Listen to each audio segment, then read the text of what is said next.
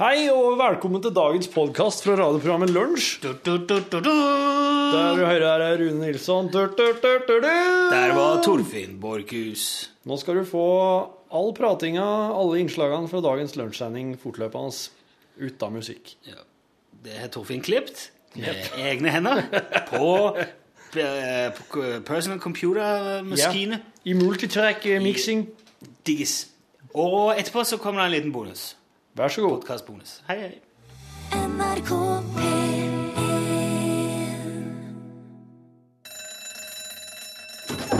Ja, nå er det lunsj! Hadde Gustav Vigeland fortsatt vært i live, ville han fylt 143 år akkurat i dag. Og det hadde i så fall vært en sensasjon, for verdens så langt eldste person døde i 1997 og var bare 122 år gammel. Vigeland døde i 43, så dette her er ikke noe å snakke om. Du har kommet fram til radiolunsjbordet på NRK P1. Mitt navn er Rune Nilsson. Veldig hyggelig hvis du vil tilbringe den neste timen her med oss. Det blir spas og moro, tant og fjas og litt eh, lærdom. For eksempel, hvis du skal kjøre bil fra Lindesnes til Nordkapp, vil turen være 2540 km lang. Hvis du da følger E6 og hovedveiene fra Lindesnes til Nordkapp. Ifølge Google Maps så vil den turen ta 33 strake timer i bil. Og det er veldig langt og veldig lenge. Norge er jo veldig langt og veldig lenge. Derfor blir det jo ofte til at man velger å fly i stedet. Nordmenn flyr faktisk mest av alle i Europa, så mye som ni ganger mer innenriks enn den jevne europeer. Det betyr, oversatt til tall, at vi, fem millioner nordmenn, flyr like mye som 40 millioner andre europeere på ett år.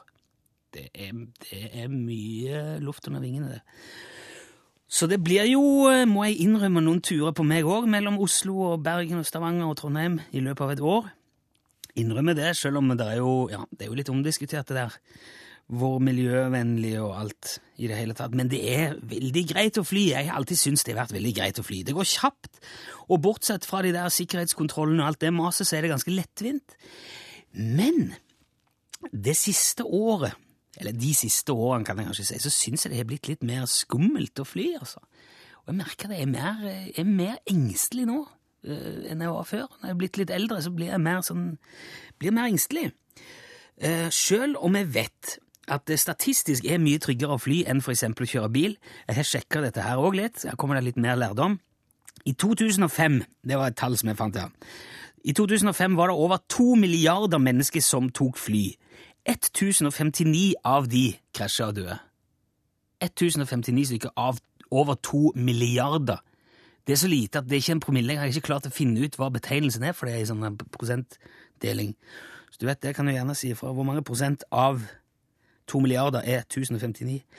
Mellom 1983 og år 2000 var det 568 flykrasj i USA, med til sammen 53 487 mennesker om bord. Og så kommer det, da. 51 207 av de overlevde. Altså mer enn 95% av de som var med i flykrasj i den tidsperioden i USA, overlevde. Og nå begynner det å bli vanskelig å argumentere for at det er farlig å fly, altså. Men så sitter du der, da, 10 000 meter over bakken, og så begynner det å riste, ramle i flyet, og så, du, så hører du den der bong! Ja, nå må du ta på deg sikkerhetssele, for nå blir det turbulens her, sier du. Og da hjelper den statistikken forsvinnende lite. Og jeg kjenner da blir jeg klam i hendene og blir stra Jeg får ikke panikk sånn, men det er nok til at jeg syns det er skikkelig ubehagelig. Spesielt landing, det er guffent. Og da sitter jeg hjemme og sier til meg sjøl Nei, de vet hva de gjør. Dette kan de. Å, de lander sånne fly flere ganger om dagen. Dette går helt fint. Men så er det likevel en liten stemme baki der som sier Ja, er det nå det? Er det noe trygt? Vet de nå helt hva de holder på med der oppe? Og jeg vet òg at jeg er på ingen måte alene om dette. Det er veldig mange av oss som har flyskrekk i større eller mindre grad. Så det vi har gjort i dag, er å invitere en pilot intet mindre enn en sjefspilot hit på besøk for å se om han kan berolige meg og dere andre litt. Og han kommer straks i studio, og da skal jeg bare si at hvis du har noen spørsmål til vår sjefspilot som kommer på besøk straks, han heter Thomas, så er det bare å sende SMS. Bruk kodeord L for lunsj, og så et mellomrom, og skriv ditt spørsmål til sjefspiloten og send det til 1987. Det koster én krone. Skal vi ta med dine spørsmål òg?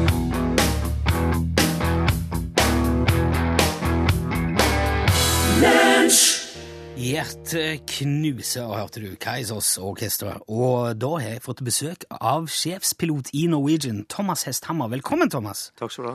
Veldig hyggelig at du kunne komme og være med oss i dag. Hva, jeg må spørre først, hva, hva innebærer det å være sjefspilot? Ja, egentlig så er stillingen min strengt tatt flygesjef. Sjefspiloten han har ansvar for alle flygere. Flygesjefen han har ansvar for hele operasjonen med flygere og kabin og eh, operasjonen generelt sett. Ok, det, det går nesten ikke an å bli mer pilot, da. Nei, eller det vil si far, far, ja, Faren er jo at du flyr for lite, blir sittende for mye på Å ja, kontoret. ja, jeg ser det. Ja, Ja, men du har flydd mye før. jeg har flydd litt. Flydd, er du flydd litt? Er du flydd lenge, Thomas? Hvor lenge? Hva, hva slags?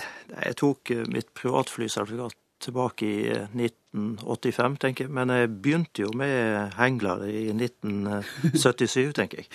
Du, er du har liksom trangen, du. Må, Ja. Du må opp i lufta. Jeg har gått gradene, vet du. Ja. Hva, har du flydd veldig mange forskjellige typer fly òg, da? Nei, ikke, nei, ikke av de hva skal jeg si, de mellomstore, så har jeg ikke flydd. Men jeg har flydd mye småfly. Det har jeg gjort. Okay. Ja. Er det noen, er det noen type fly du foretrekker? Du syns er artigere eller kulere fly? fly? Jeg syns jo eh, den flytypen jeg flyr nå, er jo veldig bra. Boeing 737. Ja. Det er de der var de mest vanlige Ja, det er jo det mest solgte og mest produserte hva skal jeg si, kommersielle eh, transportflyet. Det er vel produsert mer enn 7000 eksemplarer bare av den typen der. Ja. Det er mye i flysammenheng. Det er veldig mange. ja. Har du noen gang, Thomas, vært redd i fly sjøl? Enten når du har styrt eller sittet bak i kabinen? Nei. eh, Nei? Det, nei, jeg kan Jeg, jeg satt og tenkte på det. Skal ikke lyve på radioen, Ja, ja, I know. nei, jeg har tenkt gjennom det. Jeg har, tror ikke jeg har vært uh, redd. Det er klart, uh, før jeg ble pilot, så kan det vel ha vært at jeg har vært litt engstelig i enkelte situasjoner hvor det har vært mye turbulens på en innflyging og den type ting. Men etter Og så er det jo Som pilot så jo så føler jeg kanskje tryggere ved å sitte foran og kontrollere dette selv enn å sitte bak. Men eh, jeg syns det går veldig greit med meg, i hvert fall. Men har det litt sammenheng med at nå vet du hva, hva det innebærer når det rister? Ja, det er Vet klart. du at eh, det ikke er noe å være redd for? liksom? Ja, det, det kan du vel si. Så eh, kunnskap gjør jo sitt til at du har dette under kontroll, for å si sånn. Men hva, hva så skjer da? Altså når flyet Se når du skal, Hvis du skal komme inn og skal lande, eller er gjerne midt oppe i luften, når du begynner å riste sånn ordentlig, du hører liksom at det dunker og Ja. Og det er jo ikke akkurat Du skulle jo tro at når, du, når det kom dumper opp i lufta, så var det litt mer sånn det var litt sånn, Men det er jo risting og rangling ordentlig. Ja, altså Turbulens eh, oppstår av mange forskjellige årsaker. Og er du nær bakken, så er det gjerne pga. at luften, altså vinden, tre, eh, treffer hindringer, altså bygninger, terreng, fjell etc. Er du høyere oppe i lufta, så kan det være at det er ulike vinder av ulike retninger som treffer hverandre. Og, så, og i friksjonslaget mellom de vindene så oppstår det turbulens, altså rot, små eh, kall det rotorer. Og så har du ja, du har fjellbølger, f.eks., som ja, det er mye det samme. Så har du òg turbulens etter eh, hva skal jeg si, foregående fly, eller kryssende fly foran. Dragsug, liksom. Dragsuget av flyet. Så, og så deles jo turbulens inn i For oss flyger så deles inn i fire kategorier. Lett turbulens, som er egentlig det du nevner. Sånn, der kaffekopp, du har litt problemer med å holde kaffekoppen og så har du eh, Det er nummer én. Det er nummer én, ja. Uff, nå kjenner jeg gruer meg til å høre resten. Ja, hva er det så... Så har du nummer to, eh, middels turbulens, som, eh, der kaffekoppen kanskje beveger seg av bordet. Og så har du eh, hva skal jeg si, kraftig turbulens, der kaffekoppen kanskje ender i taket. Og så har du ekstrem turbulens, der eh, faktisk hva skal jeg si, piloten også kan til tider, altså tidvis miste kontrollen på flyet i, i mindre perioder. Åh, Nå syns jeg det gikk så bra her. Ja, ikke sant? Nå var det liksom Men, Nå var jeg på glid. Men da kan jeg trøste med at ekstrem turbulens er jo noe som strengt tatt forekommer meget, meget, meget sjelden. Har du, har du, har du opplevd det? Jeg har opplevd det én gang. Ja. Hva skjedde da? Nei, du Krasja du? Nei da. Eh, Fordelen er jo faktisk da altså Ekstrem turbulens det opplever du kanskje når du ligger på marsjhøyde. Og, og det kan typisk være passering av enkelte høye fjellkjeder, så kan du oppleve dette her. Men eh, det du opplever da, er at flyet ramler, eh, hva skal jeg si, mer enn det som er normalt. Så normalt så kan du si at fly eh, beveger seg kanskje ja, i, i sånn uh, middels turbulens. Om, selv om du føler at det faller, så, så er det kanskje bare snakk om noen få meter. Sier du det? Ja, så, Men i ekstrem turbulens, som er det sterke, så, så kan det jo falle hva skal jeg, for så vidt flere hundre meter, for den saks skyld. Det var det, for det er en kompis av meg som opplevde det, at plutselig så bare føltes det som hele flyet datt ut av himmelen. Ja. Så da har det vært sånn... Det, det kan ha vært noe i, i nærheten der. Men igjen, så har du flyhøyde. Har, har du høyde, så, så, kommer du alltid her på riktig måte, for å si det sånn. Ja, ja du kommer alltid Ja. ned, ja. Ja, på riktig måte. måte. Ja. Det var viktig å. Hvor, eh, hvor langt altså, Det er jo en sånn ting som jeg har tenkt på. Hvis plutselig motoren ramler av eller eksploderer, eller, Ja. hvor langt kan du gli uten Ja, det, moderne fly glir veldig godt. Så eh, kan ta et lite eksempel. da. Altså, Ja. Hvis du befinner en sånn høyde mellom 11 og 12 000 eh, meters høyde, altså 11-12 km høyde, som er nokså vanlig marsjhøyde i dag på moderne fly, og hvis begge motorene, eller alle motorene, skulle stoppe, så, så kan du skli en rundt eh, ja, 17-18-19 mil av gårde rett fram. Wow! Så det betyr at hvis du befinner eksempelvis over Larvik eller Sandefjord, så sklir du opp til Gardermoen og lander trygt der oppe. Å ja, men da, da kunne du jo lande på topp likevel, vet du. Ja, det kan du, Ja. men eh, ja. Men hvis det, hvis, det er, hvis, det er sånn, hvis det er for langt, da, kan du bare sette det ned på E E6? Ja, jeg vil jo ikke anbefale det, da. Men eh, 4. altså, kommer du i en situasjon hvor, eh, hvor det er kritisk, så må du jo ta, ta til takke med det beste du har. Ja, hva gjør du da? Sikter du på trær og busker, eller setter du på veien og prøver å Ja, Jeg håper du aldri har prøvd dette, men jeg bare lurer. Nei, dette har jeg, har jeg faktisk ikke prøvd. så eh, vi hender jo vi prøver en del morsomt i simulatoren, da. Så, så vi er jo litt forberedt på, på en del sånne okay. ok. scenarioer. Så jeg har med masse flere spørsmål, og det Ja. kommer også masse på SMS. Okay. Vi må ta en liten eh, pause, så vi ikke snakker hod i, hå- hod i hålet på. Yes. Hål i hålet på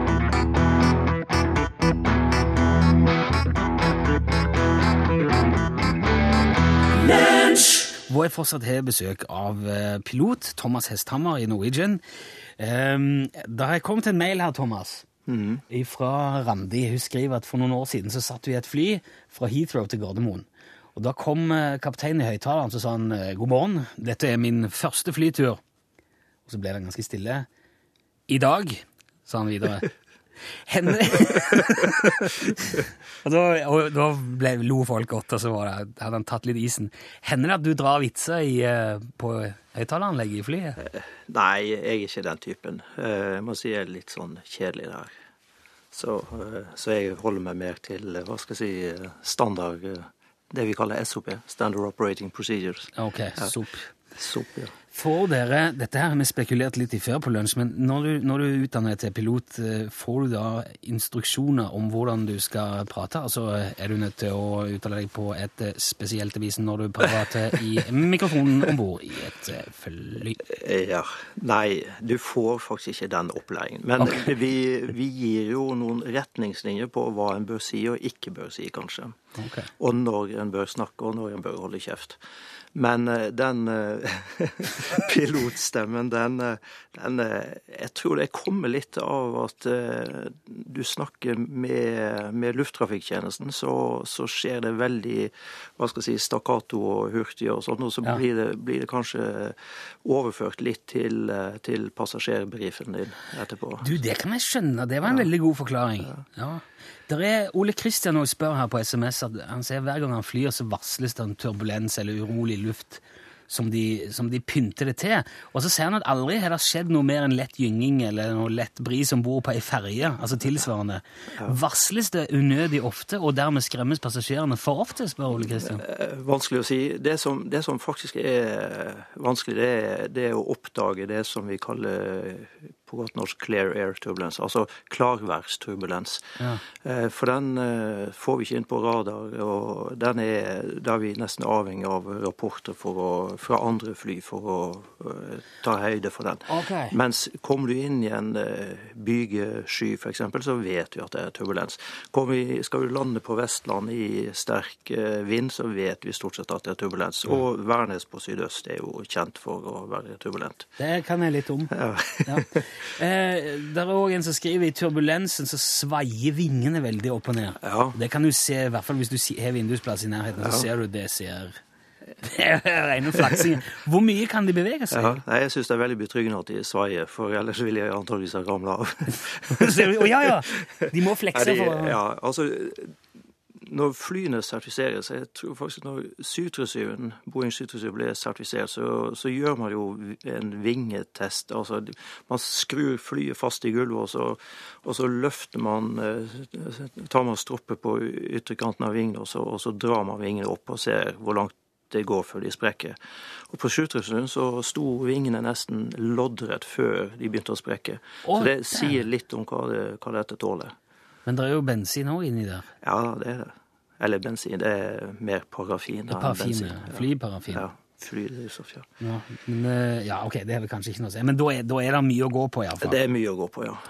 Uh, skal vi se. Uh, Evelyn skriver rett kort og godt hva skal jeg gjøre for å bli kvitt skrekken. Det er flere som skriver det. Altså, han sier, Bjørn òg skriver han plages med flyskrekk. Han blir nervøs og kvalm i flere dager før han skal ut og fly. Og, og, og da går det ikke uten stimuli. Hvor, hvor kan jeg henvende meg for å få hjelp? Så skulle gjerne reist mer. Jeg tenker Det er mange som sikkert vil reise mer, men som ikke tør.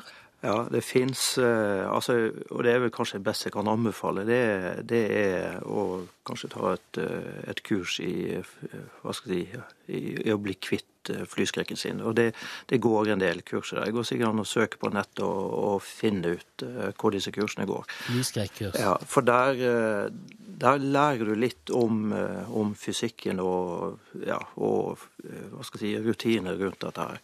En annen ting er også selvsagt ta kontakt med kabinbesetningen og si fra at du er, at du har, at du er flyredd. Og så, eh, så vil og disse også, kabinbesetningen, hjelpe, hjelpe hvis du har behov for det. Til slutt så må vi ta med eh, Mats spør her, det er kanskje ikke beroligende, men jeg må nesten spørre. Hender det at pilotene, at i hvert fall en av dere tar en liten blund? Fem, fem minutter på øret? eller sånn? Ja, det, det kan skje. Eh, også under fly. Men her er det prosedyrer som, som gjelder. Så du kan si alt vi gjør i- om bord i et fly, er underlagt eh, hva skal jeg si, eh, rutiner og regler. Og det, alt er rotfesta i, i for europeiske flyselskaper, et europeisk regelverk. Og alt er godkjent for norske flyselskaper, Luftfartstilsynet.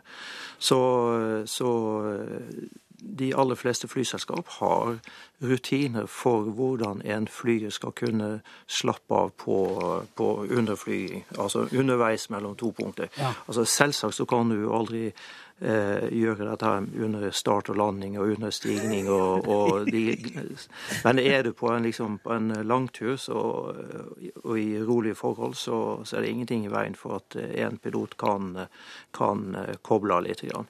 Jeg, da, jeg kjenner det er litt betryggende, for jeg har hørt rykter om at dere jobber sånn i mange døgn i strekk. Sånn, Nei, det 30 timers vakter sånn. Å, sier du det? Nei, det kjenner ikke jeg til.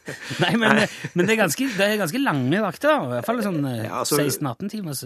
Nei, eh, du kan si eh, 15. lovlig sett så, så har du mulighet til å jobbe opp til 14, altså planlagt 14 timers dag. Eh, Men da skal du også ha langtidshvile både i forkant og bakkant. Og, men normalt sett så, så ligger dette her eh, ja, jeg vil si en normaldag eh, i Norwegian er eh, en gjennomsnittsdag er på 8,5 timer. Så, okay. Men eh, det er klart, det er enkelte lange dager, og så er det enkelte korte dager, så er det noen passelige. Sånn er det jo alltid. Ja. Det er jo god tilgang på kaffe om bord i fly. Masse. Masse kaffe. Du, dette var Jeg kjente det var veldig fint. Eh, Jeg, jeg, eh, vi får se neste gang jeg skal fly. Jeg klarer ikke å kjenne nå om jeg ble mye roligere, men jeg skal ta med meg det du har sagt, Thomas. Og så satser vi på at, eh, at det blir enda litt hyggeligere neste gang. Tusen takk for at du kom. Jo, bare hyggelig. Takk skal du ha. For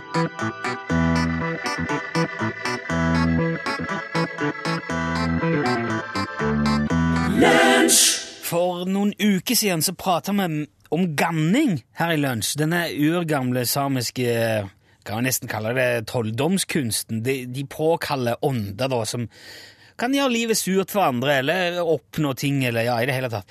Og i den anledning så snakka vi med Jan Olsen, som i hvert fall sjøl påstår at han er same, og at han kan ganne. Og han fortalte da blant annet at han hadde fått en kar til å glemme sigarettpakken sin i butikken når han hadde vært og handla, og det gjorde han da ved hjelp av ganning. Det var kanskje, ja, Men uansett, etter dette intervjuet så har vi fått en rekke e-poster fra Jan, Jan Olsen. Jeg vil kanskje si nesten daglige e-poster, faktisk. Han kan åpenbart mye forskjellig, denne karen. Og nå i går kom det en e-post som spesielt vakte vår interesse, så vi har ringt opp Jan igjen. Er du med oss, Jan? Ja da, jeg er her, ja. Ja, hei sann. Jeg er alltid her. Ja. Ok, du, men du skrev noe i mailen din i går som jeg ble veldig nysgjerrig på, Jan. Ja, jeg er jo en veldig interessant person, så Ja. det skjønner jeg godt. Du skrev at du kan ikke bare ganne, du kan òg fly. Ja da, Ja, i lufta. ja. Som en fugl. Ja, nesten helt som en fugl, ja. Nesten som en fugl. Ja, vi samer har jo ikke vinger. Nei, vi kan, nei, vi kan ikke flakse med dem og fly på den måten. nei, men det er jo ikke bare samer som mangler vinger. Nei vel. Ja, men det er, jo, det er jo ingen som har vinger. Jeg har jo ikke heller vinger. Ja, da kan ikke du heller fly på samme måte som en fugl.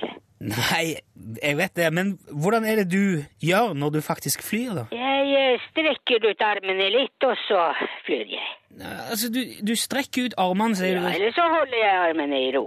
Ja. Armene er ikke det viktigste. Ok, hva er det som er det viktigste når du skal fly? Eh, oppdrift, tror jeg. At Ja. du kommer deg opp i luften. Det er først når man er i luften at man kan fly. Ja. Man kan ikke bare stå på bakken og si at man flyr. Man må være i luften. Ja, jo, det, det jeg skjønner det, men Ok, for spørre, hvor er det du flyr da, når du flyr? Ja, det kan være litt rundt forbi, gjerne i naturen. Jeg liker meg veldig godt på vidda, så jeg flyr kanskje litt rundt der ute. Ja. Kan du fly langt? Ja, noen ganger langt, og andre ganger bare litt. Men, men altså, Jan, stiller du deg bare opp midt på, på vidda og strekker ut armene og flyr? Ja, jeg må jo ta sats først, da. Ok. Kanskje fra en knaus eller et tre, eller, eller bare på bakken, og så tar jeg sats, og så flyr jeg derfra. Men ok, Si at du står på bakken og tar sats. Hvor langt kan du fly da? Eh, Et godt stykke. Et godt stykke? Ja, flere meter. Ja, hvor, hvor mange meter snakker vi? Uh, to og en halv, kanskje. To og en halv meter? Ja, eller to meter. Det kommer an på. Ja, og Si at du klatrer opp i et tre, da, for eksempel. Ja, Ja, Hvor langt kan du fly da? fire meter. Fire meter. Ja. Hva er det som skiller din måte å fly på fra måten vanlige folk hopper på, Jan? Ikke så veldig mye. Ok, Man må jo hoppe for å fly, da. jeg skjønner. Du kan, kan du for eksempel fly til England? Nei. Nei, ok. Så vi snakker vel egentlig bare om at du klatrer opp i et tre på Finnmarksvidda og hopper ned på bakken nå? Ja, kanskje det. Ja, men det er jo ikke flyging. Det er litt flyging. Vet du, jeg tror vi sier takk til deg her, Jan Olsen, altså. Jeg kan som- lage mobiltelefoner av mose også. Ja, ok, det får vi ta en annen gang. Takk skal du ha, Jan. Ja, vær så god.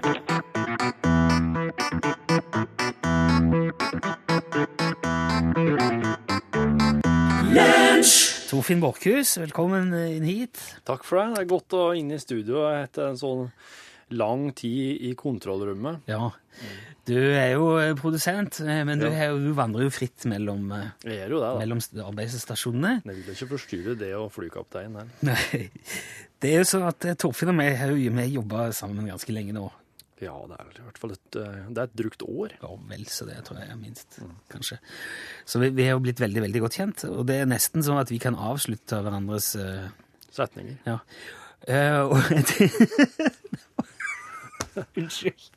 Ja, jeg må leke. Jeg tenkte vi kunne demonstrere dette her, da. Altså den der uh, funksjonen. For Det er nesten som vi tar hverandres tanke. Det er som et ektepar. Ja. Og så tenkte jeg du kan kanskje fortelle litt om deg sjøl. Ja, det kan jeg godt. ja, og så skal vi se om ikke dette er noe som jeg har liksom enten hørt før, eller resonnerer meg fram til ganske automatisk fordi at jeg kjenner det så forferdelig godt. Ja, eh, Jeg har jo er en, eh, en um, På meg i dag På meg i dag så har jeg jo uh, Pels, ja. jeg ser- Ja, for at uh, jeg er jo ikke redd uh, Ville dyr. i det hele tatt. Nei. Så, og, og heller ikke Så altså, jeg tåler jo veldig bra Kulde. Ja. Så det er jo egentlig litt sånn Bortkasta. Egentlig. Ja. Men det kan jo hende at jeg gjør det bare for å For for å se godt ut. Ja, rett og slett. Det er forfengelighet. Ja. Ja. Nei, men det er, det er jo en slags Det er jo en annen ting òg. En slags kompensasjon. For, for, for jeg mangler jo Betydelig lengde på, på eh, på buksene. Ja. Så jeg har eh, Jeg har nå kjøpt meg sånn eh, Forlenger. Ja, men det er litt sånn Dyrt. Ja. Og så brukes brukes fort opp, da. Ja, det skjønner jeg. Mm. Men det er eh, Altså, det folk flest sier, er jo eh, Herregud, så du ser ut. Ja. Men da, altså Ikke sant? Jeg, det jeg vet ikke, da, er jo at Ja, det har jeg jo nå aldri brydd meg om. Nei, Du ikke er, jo, sant? du er jo litt av et spectacle egentlig når som helst, når man treffer deg. Ja. Ja. Det er det. Du Er det fordi at når du var barn, så fikk jeg en ulv i uh, sovepose. Å, jo, det, ja. Jeg tenkte det. Ja, for jeg var ute på eh, På telttur, ja. Ja, med hele Klassen. Ja. Og der oss var da, der var det Eh, ikke ulv. Men det var Mår. Ja. Ja, Og de kunne bli ganske store. ja nettopp. Og sint, tenker jeg. Ja, og, ikke sant? Så når hele klassa var På mårtur. Ja, så var jeg eh, Med med dem, ja. Ja. ja. For jeg fikk jo ikke være alt for meg sjøl. Men jeg hadde jo med meg denne Ulven. Ja. ja. Det det er jo en slags jeg fikk tamulv. ja, hjemmefra. Ja. Ja. Eh, og når måren trefte ulven Det var da det gikk alt, ja. og, um, Og det er derfor du går med pels. Mm.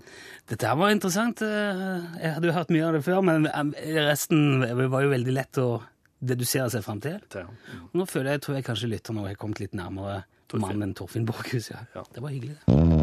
Besøk gjerne Lunsj sine Facebook-sider. Facebook.com skråstrek lunsjnrkp1.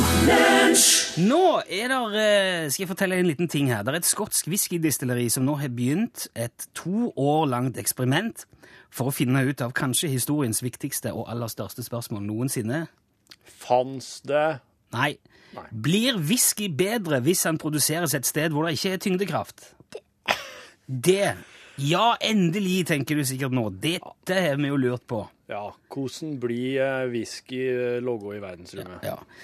Så nå har de altså sendt whiskyingrediensene sine til den internasjonale romstasjonen, og så skal de se hvordan det går Ja. med whisky. eh. Ja, der skal de prøve å dyrke fram eh, ja, De forsker på brennevin, rett og slett, oppe i verdensrommet. Vektløs tilstand. Ja. Og nå har vi faktisk, hvis vi er heldige nå, så tror jeg vi skal ha kontakt med den internasjonale romstasjonen. Det, er, det har vært litt av og på her tidligere, men jeg tror den linja skal fungere nå. Vi skal se. Hello, can you hear me, Space Station? This is Lunch calling Space uh, Station. Hel Hello? Hva er det som Wait for the daddy-o. OK. Hello? Hello? Kanskje de ikke hører oss? Houston, no problem. This is not- This is not Houston. Can you hear Look at the moon. Hello. Hello? Someone looking. Yes, this is uh, Hello! Ja, jeg tror vi, vi mista de der. Det høres ut som eksperimentet er godt i gang, i alle fall. Viktig forskning, det der. Whisky i verdensrommet. Kanskje skulle, kanskje skulle brukt sånn eh, SOP, som han prata om, han Thomas, sånn Standard Operating Procedure. Det hørtes ut som de var langt forbi å blåse i det nå. Send e-post bokstaven L for lunsj. Krøllav fra nrk.no. Ja, var- du hørte den internasjonale romstasjonen eh, eh, tona ut i stad.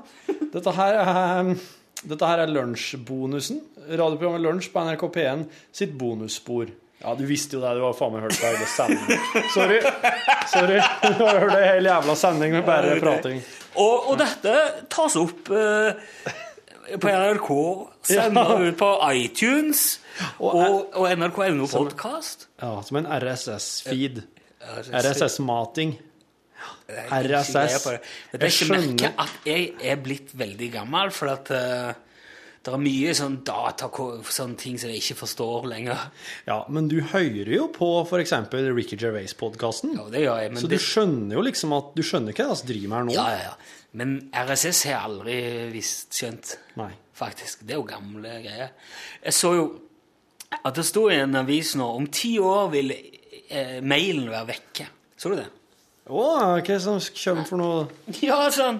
Eller jeg vet da faen, men eh, i hvert fall, mailen skal forsvinne. Å! Sannsynligvis kommer vi ikke til å bruke det da. Nei, er det noe SMS, da? Nei jeg, nei, jeg vet ikke, men det er vel sikkert fordi det er flere og flere sosiale medier sånn, som virker som, eller gjør samme nytten, eller du kommuniserer på andre plattformer enn e-poster. Ja, ja. Okay, Men, men eh, så? Ja, det kommer fort det kommer til å være noe som erstatter det, og det kommer fortsatt Og det kommer til å bli mer av det.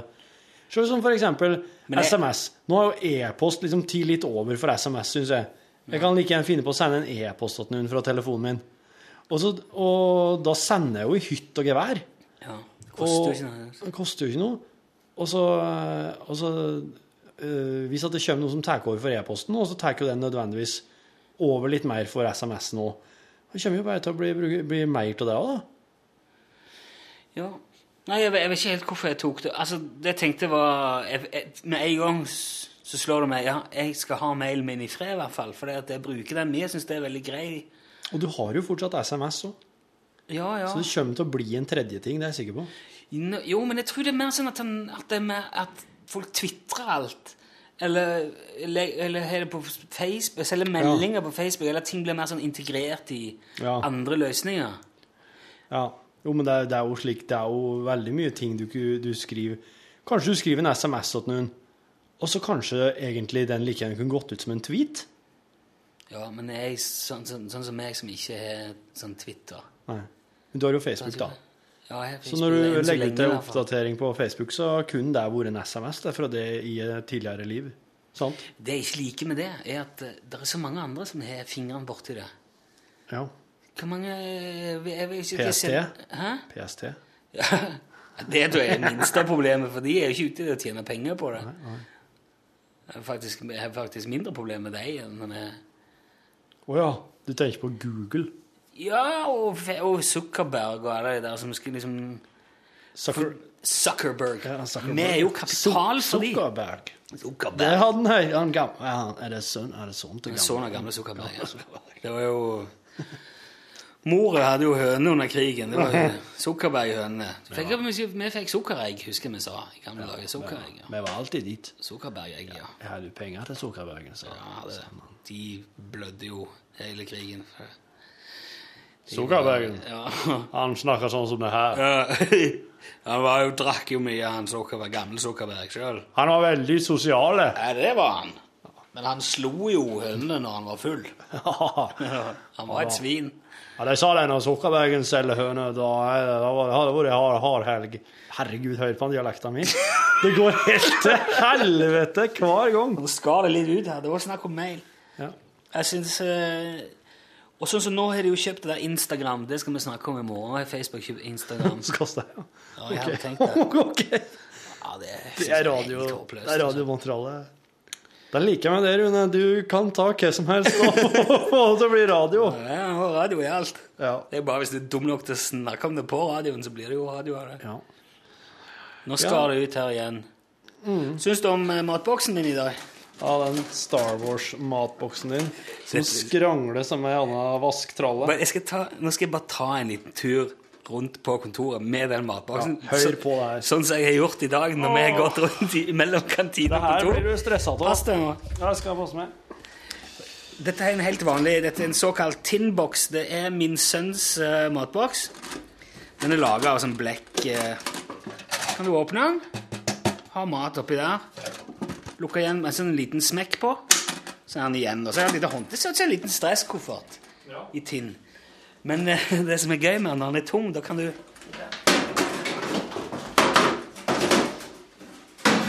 Nå går det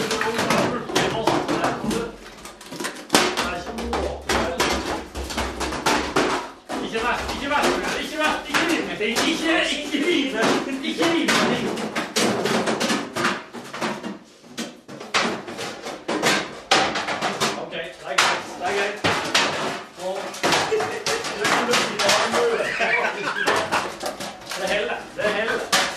bra, Ikke Rune.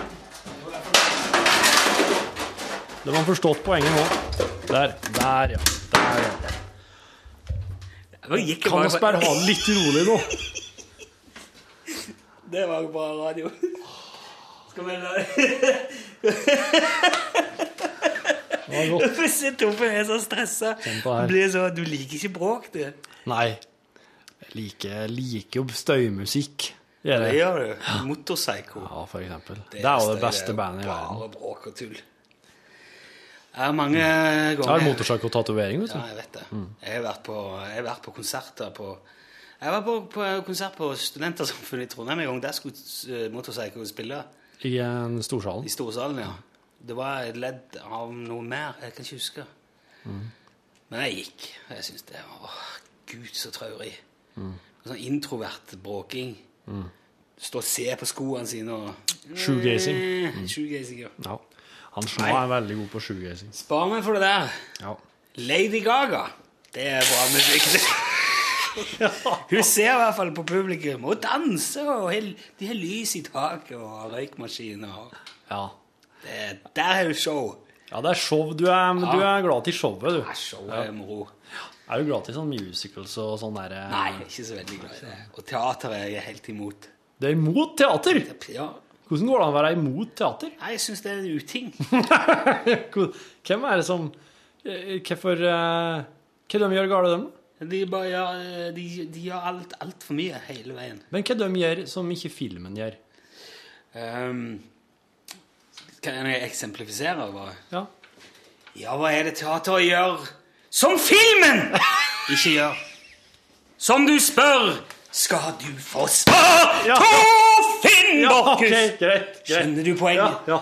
Ja, du skjønner kanskje poenget, men er du enig i det som blir sagt? Nei. Nei, enig er du ei. Nei, det enig. skal du ha. Ja, jeg- det fins OK, jeg er enig. Jeg skjønner. Hvis jeg skulle eksemplifisert altså. film, så måtte jeg jo bare prate Ja, nei, eh, film er et fint medium. Der kan det kanskje poeng være underforstått. Jeg syns at ting som er litt sånn underforstått, det subtile, Ja. de små signalene, det der nyansenes spill, det ja. tiltaler meg mye mer enn kauking og peking og volum. Ja, ja. Ja. Du liker ikke det overdramatiske. Nei. Det pompøse og det, Nei, det takk. ekstremt utroverte. Du liker ikke introverthet, men du liker ikke ekstrem utroverthet. Du liker bare det. Jeg vet at du skal stille meg et ansvar for Lady Gaga nå, men jeg, det var mer en vits, altså. Jeg har aldri vært på Lady Gaga-konsert. Men Van Halen, det syns jeg er veldig gøy. Og det er jo òg show og fanteri og moro Ja. rock and roll. Drill på gitaren. Basso og ja. Jeg skjønner. Nei, spas og moro. Ja, men der fikk dere valuta for pengene i podkastbonusen i dag òg, syns jeg. Jeg syns livet er altfor kort til å inn til å se på kjedelige ting. Ja, men så- der er jeg altså enig. Jeg så, eh, jeg så Hodejegerne Ja, ja, ja. her forleden. Den norske actionfilmen. Er det actionfilm? Ja, det er actionfilm. Jeg så ikke, så ikke en eksplosjon, jeg, men jeg så den ikke ferdig, da. Nei, Det og som- der gjorde du ikke, nei. Nei, Nei. jeg gjorde ikke det. Nei, jeg fiksa meg ikke. Jeg måtte slå av. Jeg måtte gå. Kona mi satt litt til, og så slo hun òg av. Ja. Jeg, faen, jeg makter det ikke. Hva var det som stoppa opp? Han er jo fa Han er så dum, han er rollefiguren av Aksel Hennie. Ja. Og så er jo Aksel Hennie også veldig flink til Jeg vet ikke om det er noe med altså, Om det bare er at det er så troverdig, eller om det er blanding av han og Tone Damli og alt det der. Ja. Hele pa da, men han begynner altså når, når filmen starter, så er denne karakteren in deep shit allerede. Ja. Han står nede i et hull, og der er egentlig eh, Du tenker hvordan i all verden hadde det vært mulig å komme seg opp derifra? Å ja, han har liksom måla seg inn i et hjørne? Ja, han er det, altså. Ja. Og det er noe av det første han sier. Her er det i ferd med å gå til helvete, bare så du vet det. Ja. Dette har jeg ikke kontroll på. Ok. Og hva gjør han? Han prøver ikke å klatre opp, han bare fortsetter å grave. Ja. Og så starter vi med det. Ja. Hvor dum Hvor lite rasjonelt og hvor lite fornuftig går det an å håndtere en situasjon? Ja. Gang det med ti, sett i gang. Ok. Og da tenker jeg at sånne folk kan umulig finnes. Og hvis de fins, så håper jeg det går til helvete for han. Stopp den filmen. Men han er jo en businessmann i filmen. Men han gjør det ikke noe bra i businessen sin. Men jeg har forstått som at han driver og stjeler kunst fra kundene sine. Ja, men kan ikke ha noen spoilere her nå, i tilfelle noen vil se filmen. Nei, ok, så nei- Han er jo veldig øh, kul. Er er ikke han veldig Fått god kritikk og sånn? Uh, jo, men uh, der har du jo norsk filmsyndromet, da. Så du skal Du må ikke Du må vente til noen svenske eller danske har anmeldt den Ah, ja. før du kan ta det med helt sånn ohilda. Du mener at norske filmer Ja, den blir sånn eh, Den blir sånn tantete behandla. Sånn som at hvis du spiller i et band Du spiller litt sånn rock, sånn fusion mellom rock og folkemusikkband, og så kommer tanta di og hører på når dere spiller på Samfunnshuset. Eh, og så etterpå så Det var kjempeflott! Ja. dere var veldig gode! Ja. Han på trommene slo ordentlig hardt. Ja, Ja. det var nesten litt høyt, men nå begynner jeg å bli litt gammel òg. Ja.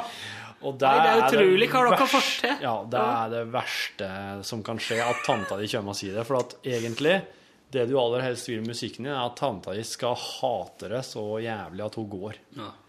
Og, og slik er det litt med norsk film òg, at um, det er så lite her i Norge at anmelderne kjenner produsenten. De kjenner kanskje det med regissøren, kanskje til og med de kjenner skuespillerne. Da blir det dritvanskelig å forholde seg til det. Og da blir det, det, det Norske anmeldere er mye, mye bedre på å vurdere utenlandsk film enn de er på å vurdere norsk film. For jeg har sett veldig mye av de norske filmene som er, og uh, der kan jeg ikke stille meg bak noe særlig av det annet, eller at jeg må si at eh, Arne Treholt og Nina-troppen er en av de beste norske filmene til nå. det? Den er oppe der med Flåklypa Grand Prix. Den fikk jo kjempedårlig kritikk, og den har jeg ikke sett engang. Mm. Men det er fordi at norske anmeldere er helt eh, de, de er ikke Du kan ikke stole på dem når de, når det kommer til norsk film. Det får bli «And an on that bombshell. Mm. Eh, som de sier i Top Gear. Jeg tror det var bonus i dag, ja. Uh, I morgen skal vi snakke om uh, Konspirasjonsteorier. konspirasjonsteorier og foto. Foto, ja. Litt om foto. Kanskje Are Sendosen kommer innom òg? Det er, hadde jo vært gøy. En fabelaktig fyr. Hvis du hører dette, så har du kasta bort nesten et kvarter av livet ditt på matboksbråk og uthenging av norske filmskapere og anmeldere. Takk for din tid. Ha en fin dag. Hei, hei! hei.